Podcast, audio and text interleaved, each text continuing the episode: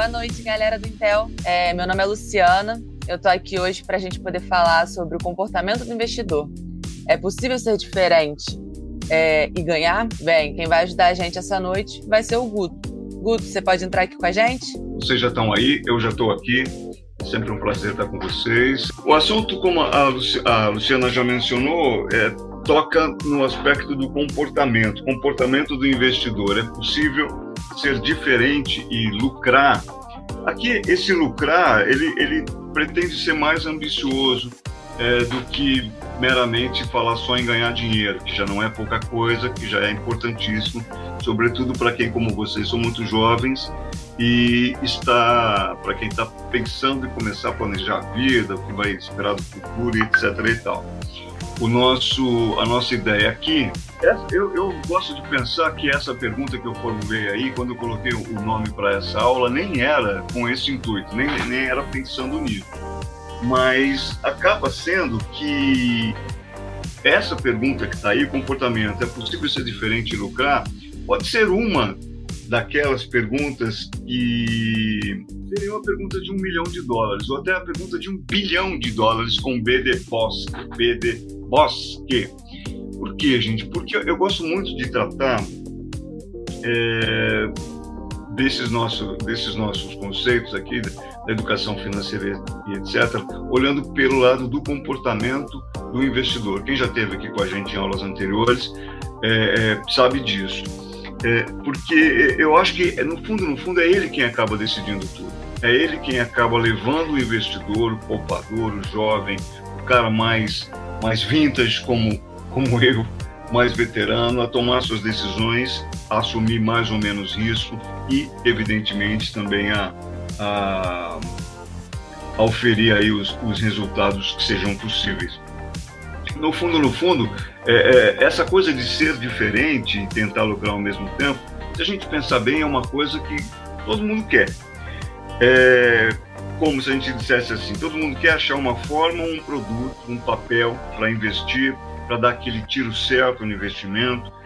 Nesse, nessa situação, sair sozinho num ambiente praticamente sem concorrência ou sem ter tanta partilha, sair no, no, mar azul, como os homens de negócios dizem, né, que é aquele oceano a ser explorado por, por menos gente ou por você sozinho em situações de, de privilégio.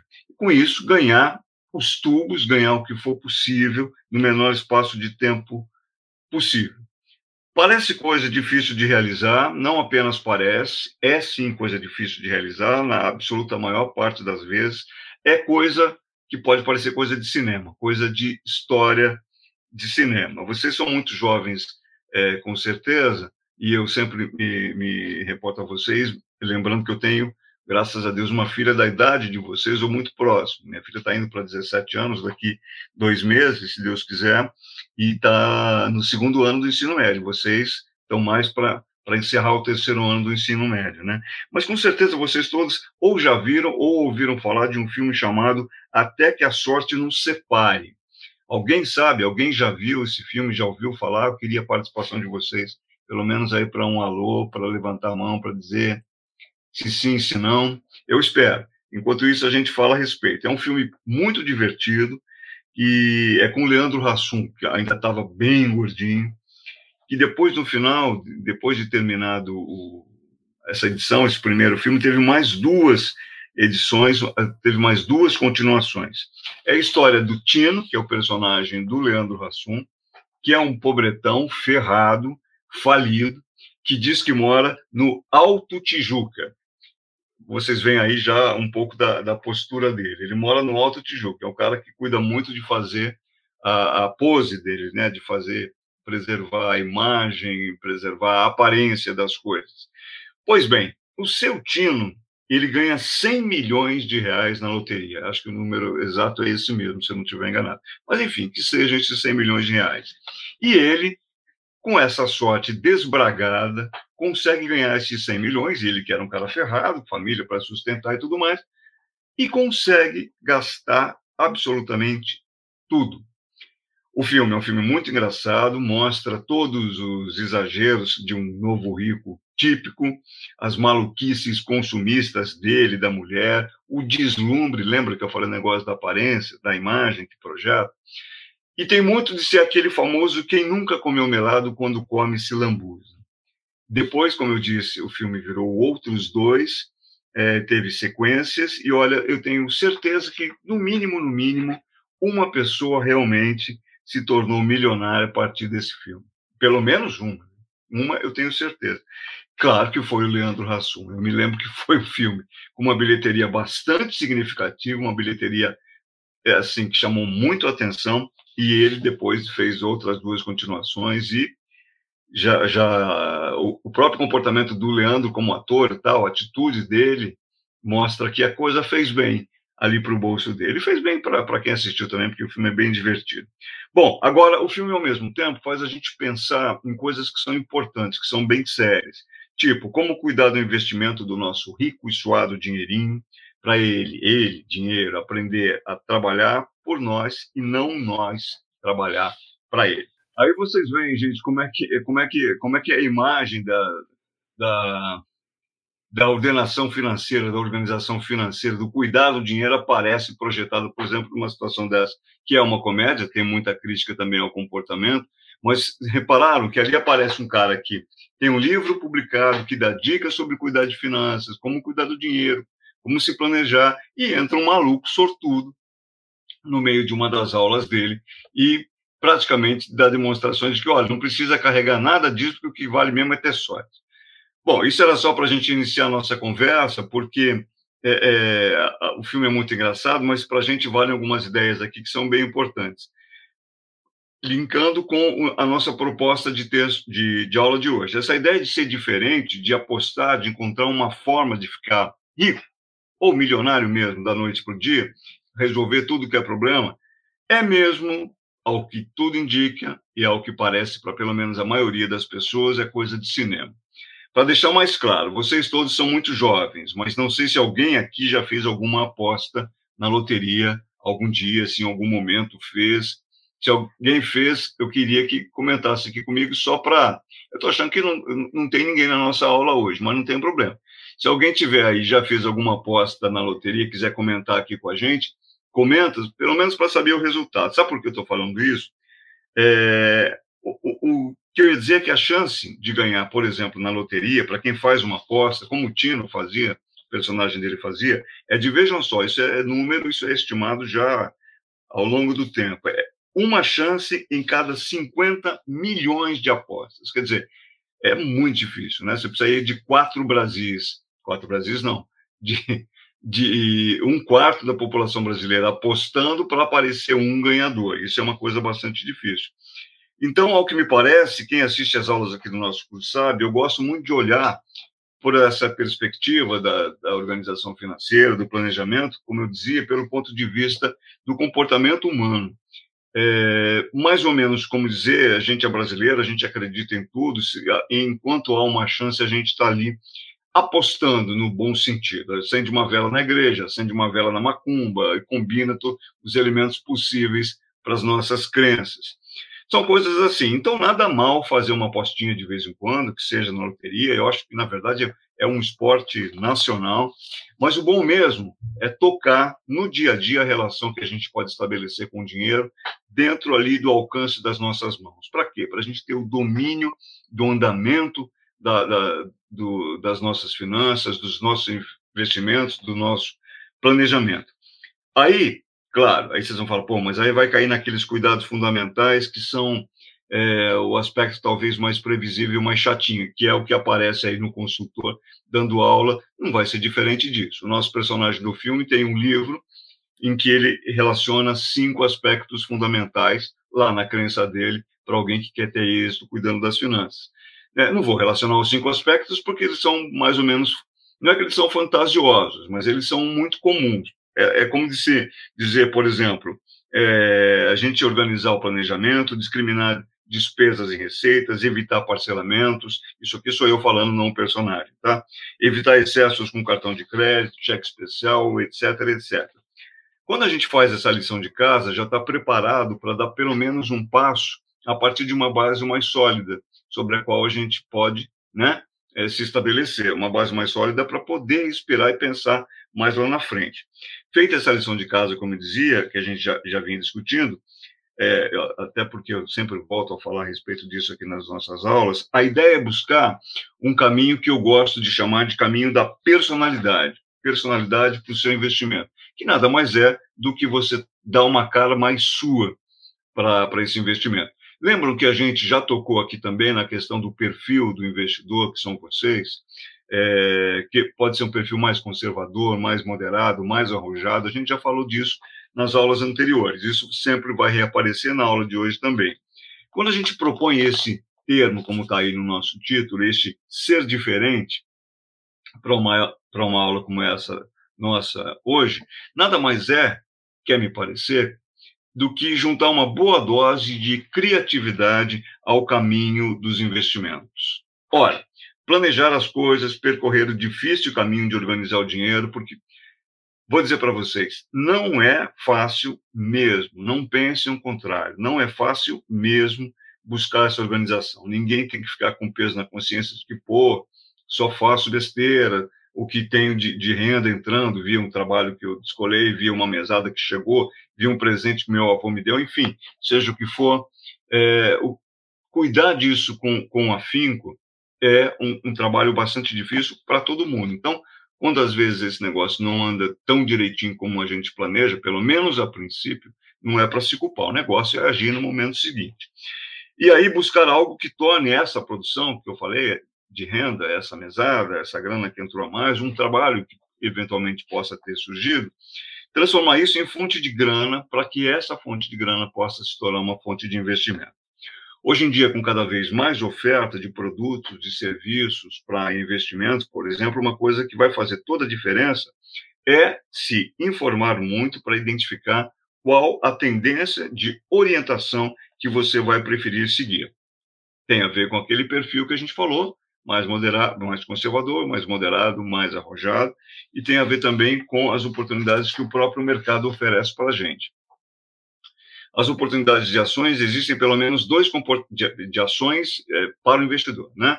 Existem pelo menos dois comportamentos que são, a gente pode dizer assim, padrões de profissionais de mercado que vão atuar fazendo a sua grana render.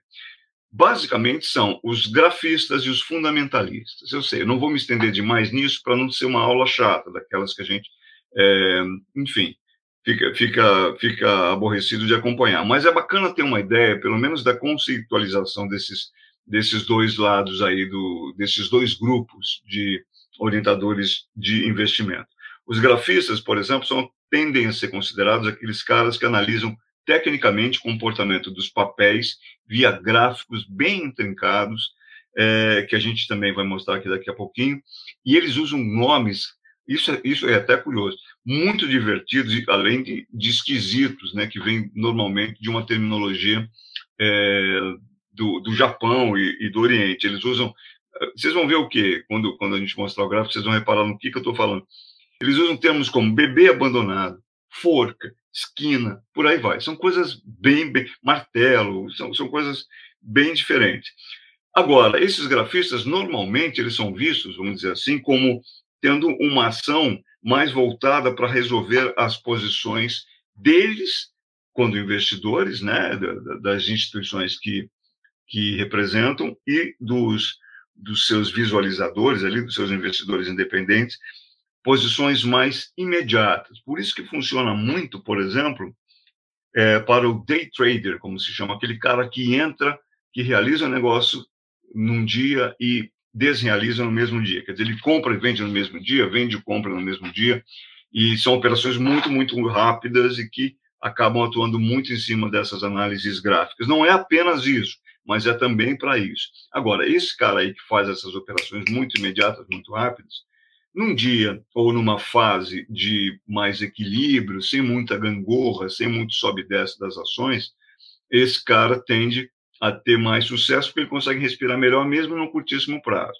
Agora, quando há dias, e isso acontece, em que o mercado está muito volátil, quer dizer, está muito no sobe e desce, por conta, por exemplo, do cenário político, por conta, por exemplo, de alguma crise econômica internacional, ou não necessariamente uma crise, mas, por exemplo, o mercado de petróleo, quando tem alguma parada de produção no Oriente Médio, isso faz com que o, o, os, os tonéis, os barris de petróleo tenham oscilação de preço muito intensa. Isso mexe com o mercado mundial, mexe com as empresas associadas ao mercado de petróleo e, consequentemente, a todas aquelas com as quais elas têm ramificações. Bem, então, isso, é, nesse momento, é, é, o cara que está muito grudado, muito afeito aos gráficos, pode ter a tendência de sentir mais facilmente ou mais intensamente as oscilações desse mercado. Vejam, o fundamental é conhecer o comportamento. Olha aí essa palavrinha outra vez aparecendo. É, e aí vocês veem ó, quais são as análises que esses caras fazem. Olha, cada pontinho desses para eles tem um significado particular que vai apontar tendências do, desses papéis em cada um dos setores. Claro que isso aqui está disponível para quem, evidentemente, tem o seu dinheiro aplicado ali com eles. É, agora, é, normalmente, estas chamadas salas de investimentos, elas acontecem diariamente, às vezes mais de uma vez por dia, e tem durações até extensas, mas vejam como é um troço. Eu, pessoalmente, acho uma coisa bastante complicada, mas eles são especialistas, eles traduzem essas oscilações. E vejam que, de qualquer maneira, aqui para mim está chegando numa, numa, numa onda verde. Aparentemente, a tendência dessa onda verde, olha lá, ele está puxando um traço agora, é de, pelo menos do médio para o longo prazo, garantir uma alta nesses papéis aí que estão lastreados dentro desse, desse grupo. Reparam como esse troço é? Eu acho dificílimo de entender. Já tentei ficar em, em sala de vídeo de por, por, bastante tempo e olha, acho que é coisa mesmo para a gente não fazer sozinho, pelo menos não a princípio. Já valeu, viu, Luciano? Se vocês quiser pode tirar. Olha as figuras que vão se formando. Os caras realmente têm que ter uma cabeça muito boa para esse esse gráfico, como eu disse a vocês, é da Ficub, poderia ser da EA, poderia ser da Genial, poderia ser da Ativa Corretora, enfim, todos eles têm essas salas ao vivo para o pessoal poder acompanhar. Antigamente, é, pessoal que eu digo são os investidores, antigamente, olha que coisa curiosa, e aí eu, eu tenho um depoimento a dar pessoal, eu via esse acompanhamento dos investidores nas antessalas, ali nos corredores da Bolsa de Valores, na época era a Bolsa de Valores de São Paulo, quando eu fazia as transmissões sobre Bolsa ao vivo para a Globo News. Então, ali naqueles corredores ficavam inúmeros investidores, caras que gostavam de acompanhar fundamentos, gostavam de acompanhar grafismos.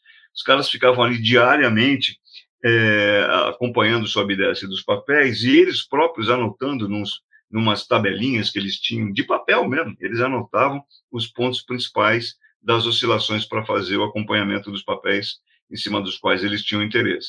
Vocês verem como as coisas mudam bastante. Hoje em dia está tudo aí, está disponível, né, em se associando ao, a um desses, desses grupos, a uma dessas empresas de, a uma dessas corretoras, você tem este tipo de esse tipo de serviço prestado imediatamente. Bom, é, vejam, vejam como é a sutileza desse, da, da situação. Esses gráficos aí, complicados como são, eles acabam funcionando muito para mostrar qual é o sentimento mais geral do mercado sobre, por exemplo, um determinado setor, uma determinada empresa, um determinado papel.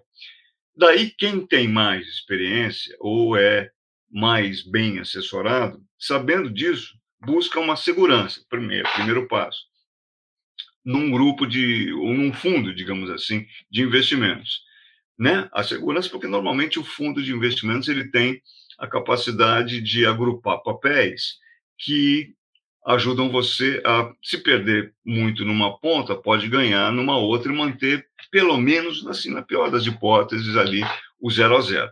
Claro que há, uma ampla pesquisa feita pelas, pelas empresas especializadas para oferecer nesse combo, nesse pacote, é, papéis que tenham a tendência de, de trazer rentabilidade, de trazer bons resultados. Mas, na pior das hipóteses, também para oferir para o investidor uma boa dose de segurança para ele não sair perdendo de cara é, muita grana e ter aquele lastro do fundo, que é o equilíbrio entre o resultado de um papel e o resultado do outro dentro do fundo. Ok, então o cara normalmente tem essa postura de falar, ah, vou me lastrear aqui, vou garantir alguma segurança no fundo, mas, mas, aí é que vem o aspecto da nossa aula de hoje que é importante. Normalmente também o investidor fica sempre de olho em alguma oportunidade. Claro, esse é o barato.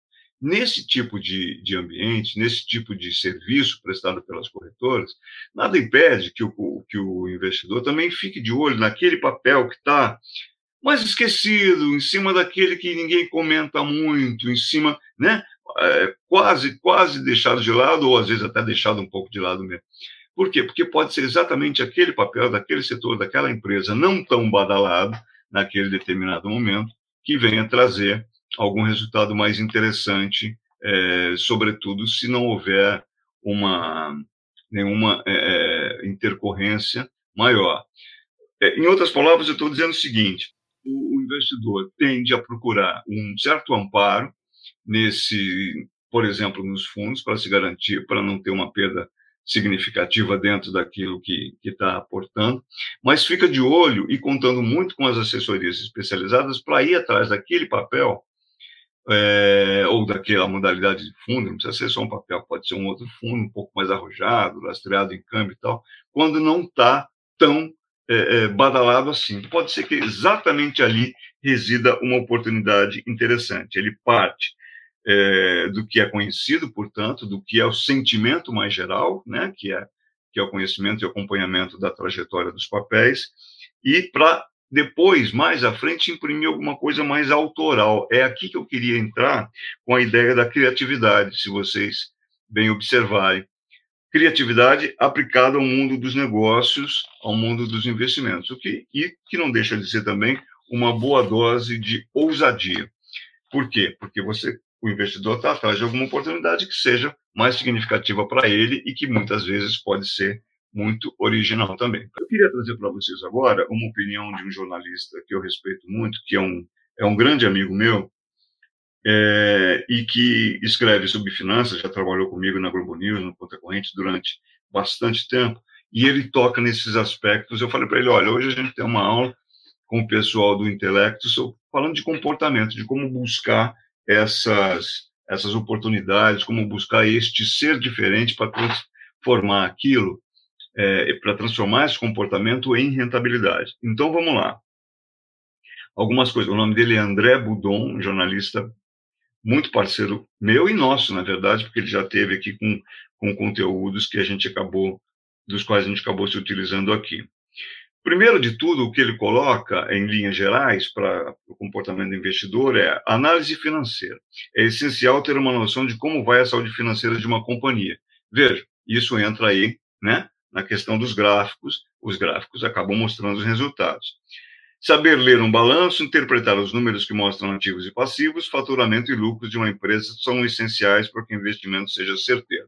Claro, aqui na faixa etária de vocês, eu acho que isso se torna um pouco mais difícil. Por isso, existem as assessorias assessorias para amparar nesse trabalho. Análise de conjuntura vai mais ou menos pela mesma linha.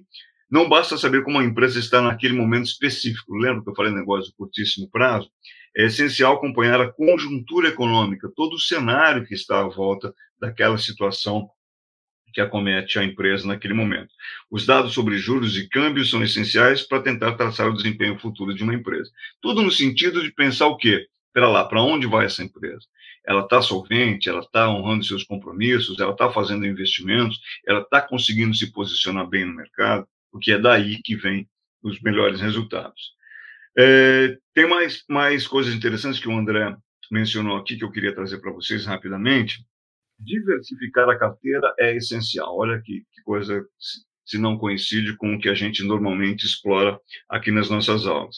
Apostar no risco faz parte do jogo, mas tem o seu colchão formado por ativos que garantem ganhos menos vultuosos, porém seguros, porém regulares. É um pouco daquilo que eu estava falando. O investidor normalmente vai em busca, primeiro, de uma referência que lhe dê uma certa segurança, ou pelo menos alguma regularidade, sem tantos altos e baixos, mesmo que o retorno não seja tão espetacular, mas que seja pelo menos uma garantia de, na pior das hipóteses, ficar um pouquinho acima ali do zero a zero para não sair perdendo dinheiro.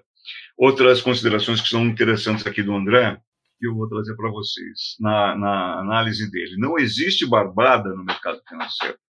Existe uma análise criteriosa das demonstrações financeiras da empresa, do cenário econômico interno e externo. Você vai falar, poxa, mas caramba, como é que eu vou fazer uma análise? É isso, uma vez mais, estou trazendo a, a ideia do seguinte: precisa estar amparado no trabalho de alguém que seja responsável, alguma empresa, alguma corretora e algum analista de investimento que tenha, primeiro, repertório, retrospecto, histórico de, de, de, de como é que a gente diz, de correção no trato do, dos investimentos, né, para você poder se amparar, se referenciar e a partir dali, depois de alguma experiência, também não é para sair fazendo a coisa com, na, na correria, não. O André trouxe uma, uma história que eu achei bem interessante também para poder relatar para vocês, que é a seguinte. Tem a história do cara de Wall Street que pouco antes do crash de 29, que foi a quebra da bolsa de 29 lá nos Estados Unidos, que é tida até hoje como a maior, maior crack, né, a maior crise financeira de todos os tempos. Pois bem, um cara lá resolveu vender as, sua, as suas ações quando um ascensorista, né, do elevador, obviamente, comentou que havia comprado ações de determinada empresa. Lembre-se sempre da mesa de pôquer, diz o André. Se depois de cinco minutos de jogo você não descobriu quem é o pato, tenha certeza de que o pato é você. Traduzindo para o cenário que ele descreveu aqui, que um, um, um investidor resolveu vender as, as ações porque o ascensorista disse que tinha comprado papéis iguais aos dele. O que acontece é que o mercado financeiro é uma operação o tempo inteiro de compra e venda. Para você ganhar, você precisa, precisa vender para alguém que vai pagar o preço que você está querendo. Né? Se você comprou por menos e está vendendo por mais, você está ganhando. A pessoa que está comprando agora vai ter que fazer a mesma coisa para ter a certeza de que vai ter lucratividade em cima daquilo que está comprando. Olha que interessante, mais alguns aspectos que tocam no comportamento do investidor e que o André está trazendo aqui para nós. Tenha sangue frio e olho clínico para analisar se aquela alta estratosférica é sustentável ou especulativa. Tem caso de gente que consegue oferir uma, uma, um ganho absurdo, significativo na própria bolsa? Tem. Eu me lembro de um amigo que contou uma história de, de alguém relacionado a ele, de algum amigo pessoal dele, que a uma certa altura da vida, ainda muito jovem, pegou todo o dinheiro de que dispunha, todo o dinheiro que tinha e botou frio, direto, cru, sem escalas nos papéis de uma determinada empresa, é, empresa brasileira, no caso, do ramo de siderurgia, não, não, vou mencionar o nome porque não vem ao caso.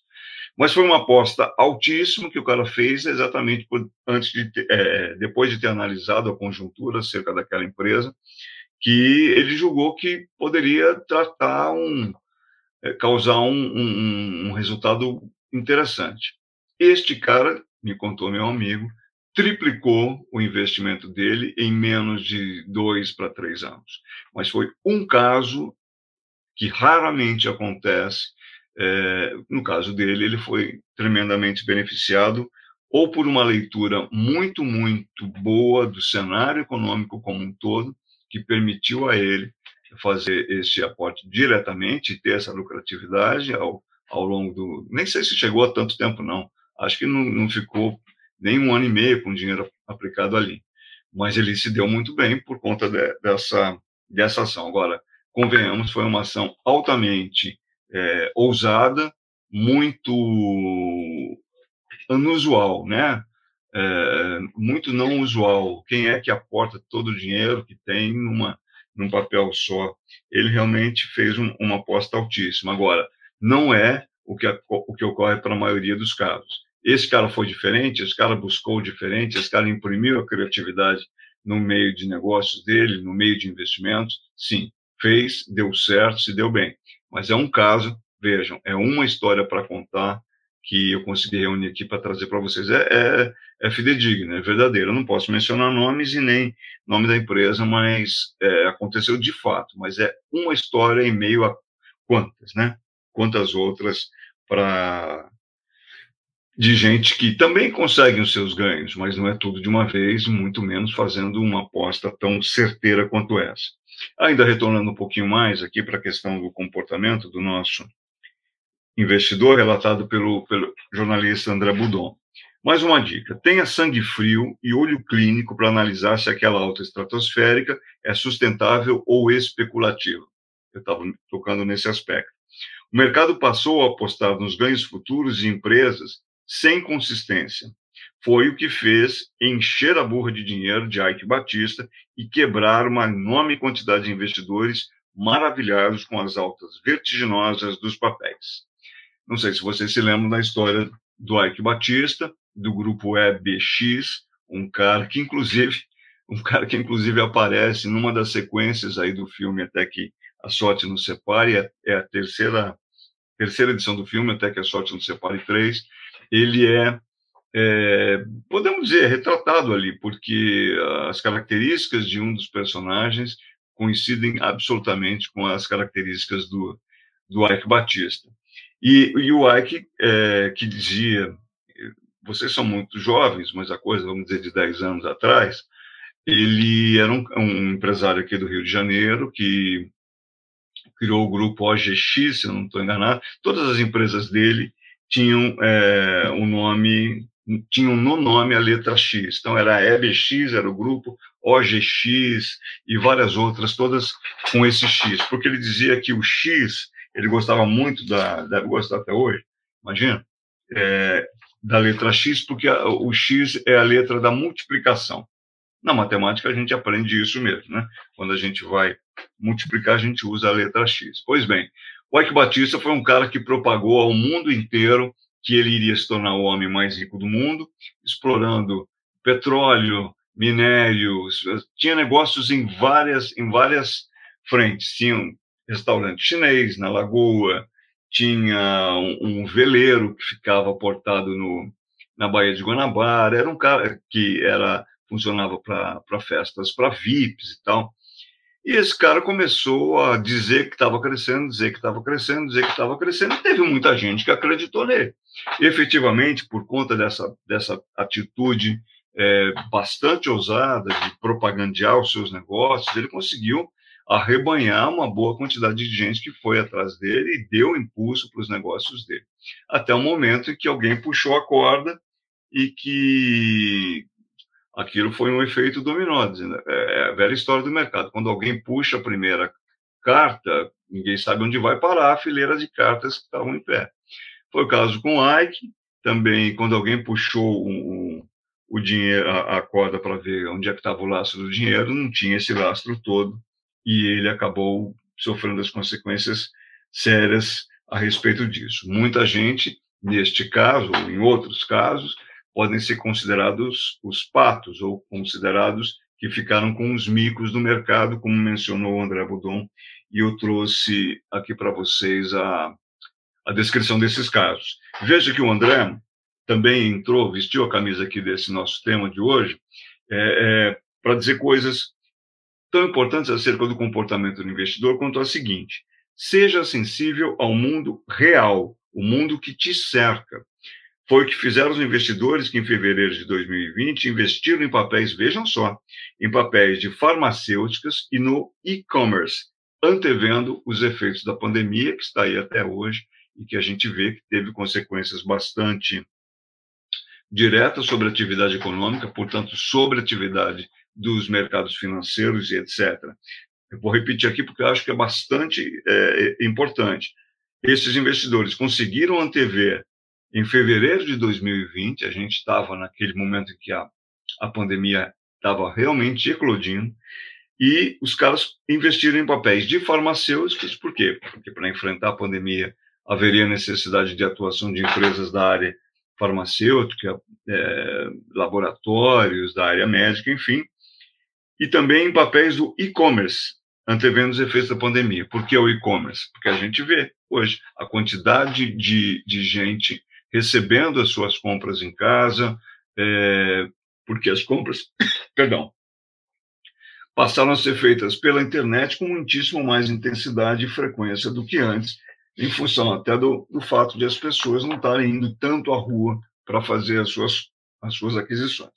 Bom, é, eu, eu, quis trazer esse, esse, esses aspectos aí bastante humanos da, da abordagem que a gente está trazendo, antes de voltar aqui para a nossa segunda metade dos grupos de orientação, porque a gente estava falando dos grafistas, né? Demos um panorama aí de como é que esses caras agem, e com a ajuda do André Budon deu para a gente cercar também um pouco do, da, dos pensamentos que correm acerca do, da, da, da, orientação necessária que o investidor deve buscar. O André é um jornalista responsável, ele acompanha finanças e economia há muitos anos, como eu disse a vocês, trabalhou comigo na Globo News, e é um cara e é, que eu gosto de tratá-lo assim, posso falar para vocês, porque ele é meu amigo pessoal e eu já disse isso para ele mais de uma vez. Ele é um maluco genial.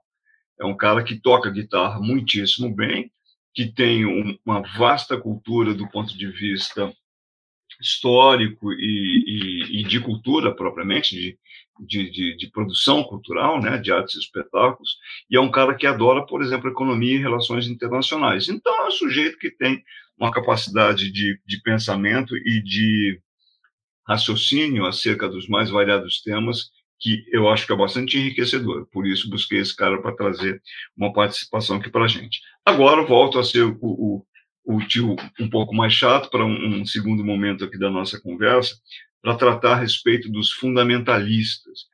Veja, eu falei dos grafistas, que têm determinadas características, e vou falar rapidamente agora dos fundamentalistas, para que a gente não fique muito preso a essas é, a esses formatos mais engessados, não. É mais ou menos, com, esses caras no mercado financeiro, grafistas e fundamentalistas, eles são mais ou menos o fla-flu do mercado financeiro. Ou alguém é, é, de um grupo, ou é do outro grupo, ou é grafista, ou é fundamentalista. É, há quem diga que é um embate absolutamente desnecessário, mas não é desprezível. É sempre bom conhecer um pouco do pensamento desses caras que vivem o dia deles, que vivem a vida deles voltado, voltados para ter as melhores orientações é, dentro do mercado financeiro, para buscar as melhores oportunidades e para externar essas boas ideias para aqueles que são os clientes das empresas que eles representam. Bom, então vamos atacar aqui a questão dos fundamentalistas, é, que são basicamente os caras que se baseiam nos resultados financeiros atuais e futuros das empresas para identificar quais estão caras ou baratas. Você vai falar, pô, mas não foi isso que você disse acerca dos outros? Eu falei, mais ou menos.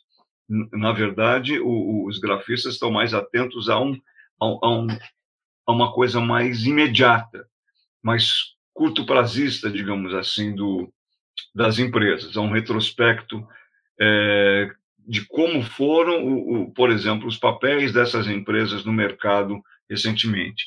Os fundamentalistas são caras que estão afeitos à história da empresa, da companhia, suas perspectivas para o presente e para o futuro. Claro, tanto um lado quanto o outro, os caras levam em consideração o que, é que a empresa está vivendo, o que está atravessando.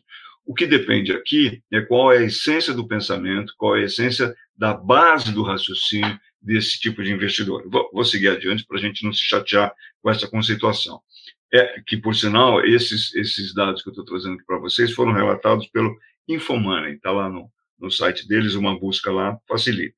De qualquer forma, os analistas, eles todos, acabam apostando que a visão dos fundamentalistas dá um amparo mais sólido para quem planeja ou até já tem um investimento mais para longo prazo. É quase como se a gente dissesse que os caras, ou os fundamentalistas, acertam mais, sobretudo, no longo prazo. Claro, nada em mercado financeiro é 100% céu, nem 100% terra. A ponderação entre os pensamentos, visões e comportamentos de papéis, setores, empresas e análises é o que vai fazer a diferença de verdade para se chegar ao melhor resultado, ao melhor que é, na verdade, o melhor equilíbrio entre é, naquela relação entre risco e a lucratividade, entre o risco e o retorno. Bom, a gente falou muito aqui sobre investimento, sobre dinheiro propriamente dito, sobre é, chances, sobre oportunidades, sobre lucratividade.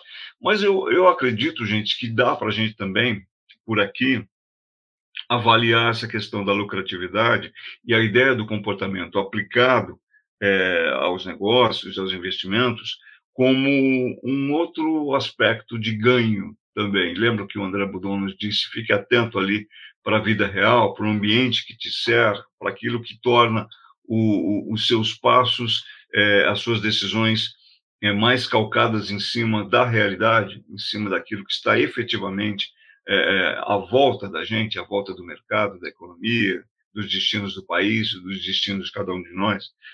Eu queria falar sobre isso para lançar um pouquinho aqui, é, lançar mão de, de, uma ideia também derivada do comportamento, para chamar atenção para um outro ganho, que eu quero acreditar que, se encaixe nessa nossa visão, nessa nossa abordagem de hoje. É, vejam se vocês concordam comigo. Ontem mesmo, ou foi hoje quarta, ou pode ter sido no início da semana, eu estava na internet, estava vendo a história de um rapaz simples, provavelmente morador do subúrbio, que é ator, é do universo LGBTQIA+, eu espero que esteja correta aqui a, a, sigla, e reparem que eu só estou mencionando isso aqui neste momento nosso, porque eu acho que é relevante para a nossa verdade, abordagem. Não diferenciaria este, este caso pelo fato do rapaz integrar este universo, não, claro que não. Pontuo isso porque tem a ver com a abordagem que tem a ver com o comportamento, é isso que nós trouxemos para hoje. Aqui, nesse caso, é relevante. Esse rapaz teve uma sacada, por sinal, uma bela sacada. Vamos ver. Até pelo universo do teatro, das artes que ele frequenta, ele se tocou que as perucas, vejam, as perucas usadas nas artes, na produção cultural, teatral, musical, enfim, e também do, do ambiente LGBTQIA, essas perucas, hoje em dia, ele olhou, bateu o olho naquilo e falou: caramba, mas é, é, em, em, muitas situações, as perucas, perucas que são usadas são muito. estão muito caídas, estão muito caretas, estão muito sem graça, estão muito pouco, digamos assim, aplicadas a essas nossas é, vertentes da vida, essas novas maneiras de produzir, de trabalhar, de, né?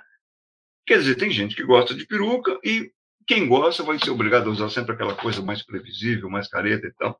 Bom, eu, eu, eu procurei muito, eu admito para vocês, procurei muito aqui, mas eu não consegui resgatar o nome dele, mas vale a pena uma busca na internet. Pois bem, pensando nisso, na área de atividade dele, no ambiente da comunidade LGBT que ele também frequenta, pensando em tudo isso, ele questionou a história das perucas e falou: olha, afinal de contas, qual é o, o cenário que se apresenta, qual é, é, é, a origem, qual é que mercado é esse das perucas. Ele falou, fez um investimento, digamos assim. Ele foi lá, foi estudar, deu uma bela pesquisada, leu, entrevistou gente, perguntou.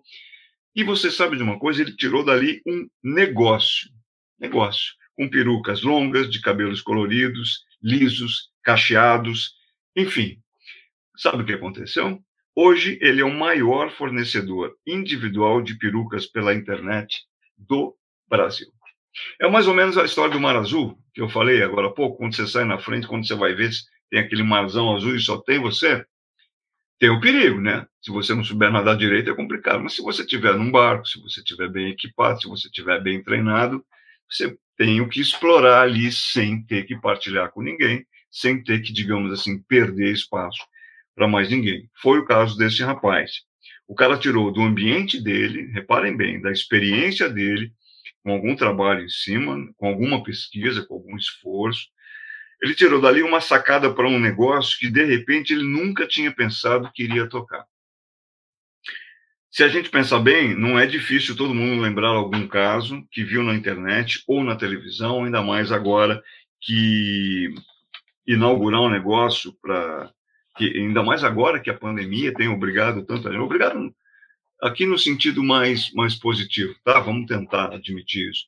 Da, ainda mais agora que a pandemia levou tanta gente a buscar uma fonte de, de sustento para a família, né? Gente que não que teve que se reinventar, que teve que passar a fazer alguma coisa que ou não fazia ou fazia muito de passagem, muito um passando, muito sem sem aquele objetivo mais definido e que acabou resultando num ganho. Vejam isso, se não é um ganho, se isso também não é lucrar, sendo diferente. Eu quero acreditar que é assim, gente. Um jeito diferente de ganhar vida, de pagar as contas, de sustentar a família. Bom, e até tem também muita gente que passou a viver dessas novas atividades. Gente que descobriu um talento que não imaginava ter. Eu acredito, como dizia vocês, que isso seja também uma forma diferente para lucrar e para, enfim, ser diferente e conjugar esses melhores resultados. Muito bem, a gente já está aqui com 51 minutos, a gente praticamente encerrando aqui a nossa conversa. Vocês não participaram de quase nada hoje, não tem problema. Vão, a conversa está facultada a vocês para ser assistida a todo e qualquer tempo. Eu só queria, eu acho, Luciana, que a gente não tem nenhuma interação, né, para esse momento, pelo menos aqui no meu chat privado eu não estou encontrando. É, mas eu queria aproveitar, então, esse, esses minutos para encerrar aqui a nossa conversa, em cima de tudo isso que a gente trouxe, para chamar a atenção de vocês para mais um trechinho do filme, né, Até que a Sorte nos Separe.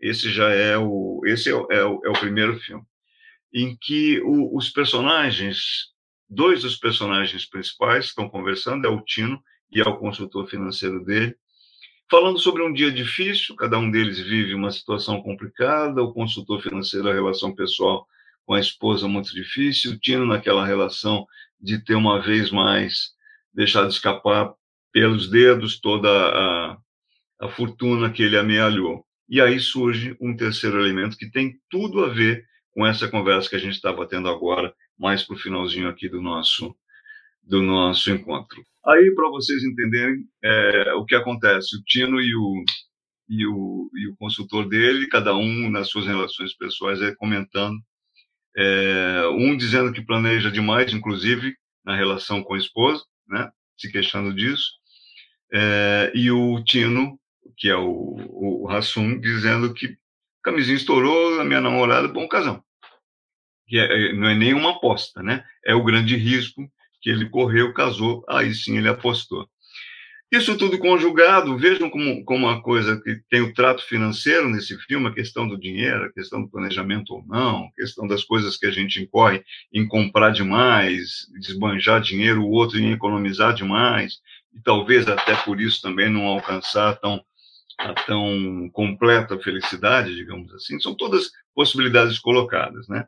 O que é curioso que acaba acontecendo, porque tudo isso é humano, né, gente? O investimento financeiro, o planejamento, cuidar das contas, tudo isso é humano, tudo isso faz parte do, do, do daquilo que está ao alcance do ser humano empreender.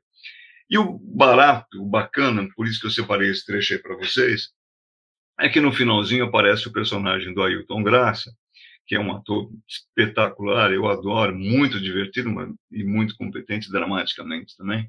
Ele aparece no final da cena é, vestindo um, um, personagem que é um decorador cheio de trejeitos e tal, é, e diz que a culpa é do Tino porque ele nunca ganhou tanto dinheiro quanto estava ganhando é, agora o divertido nessa história é que ele não era um decorador até o início do episódio, até o início do filme. Ele passou a fazer de conta, a cumprir um papel, vestir uma, uma fantasia de decorador para resolver uma determinada situação que o Tino, pelos embrólios, pelos problemas que ele é, acabou gerando né, no comportamento errático dele com dinheiro, acabou botando esse cara no meio e ele acabou, e o Ailton Graça, o personagem dele, me esqueci o nome, acabou se tornando um decorador, né, para atender um determinado cliente lá, que era uma coisa só de aparência para resolver o problema do Tino, e depois ele se deu tão bem na história do decorador, que, como ele próprio disse, estava ganhando dinheiro como jamais ganhou na vida e virou até capa de revista. São fantasias, são situações que, enfim, eventualmente até podem acontecer. Mas eu acho que ilustra um pouco daquilo que a gente estava falando, né? Gente se reinventando, gente correndo atrás, porque de um jeito ou de outro o caminho é mesmo correr atrás das coisas. Eu espero que tenha sido útil para vocês, que a conversa tenha sido agradável, Luciana, para você também.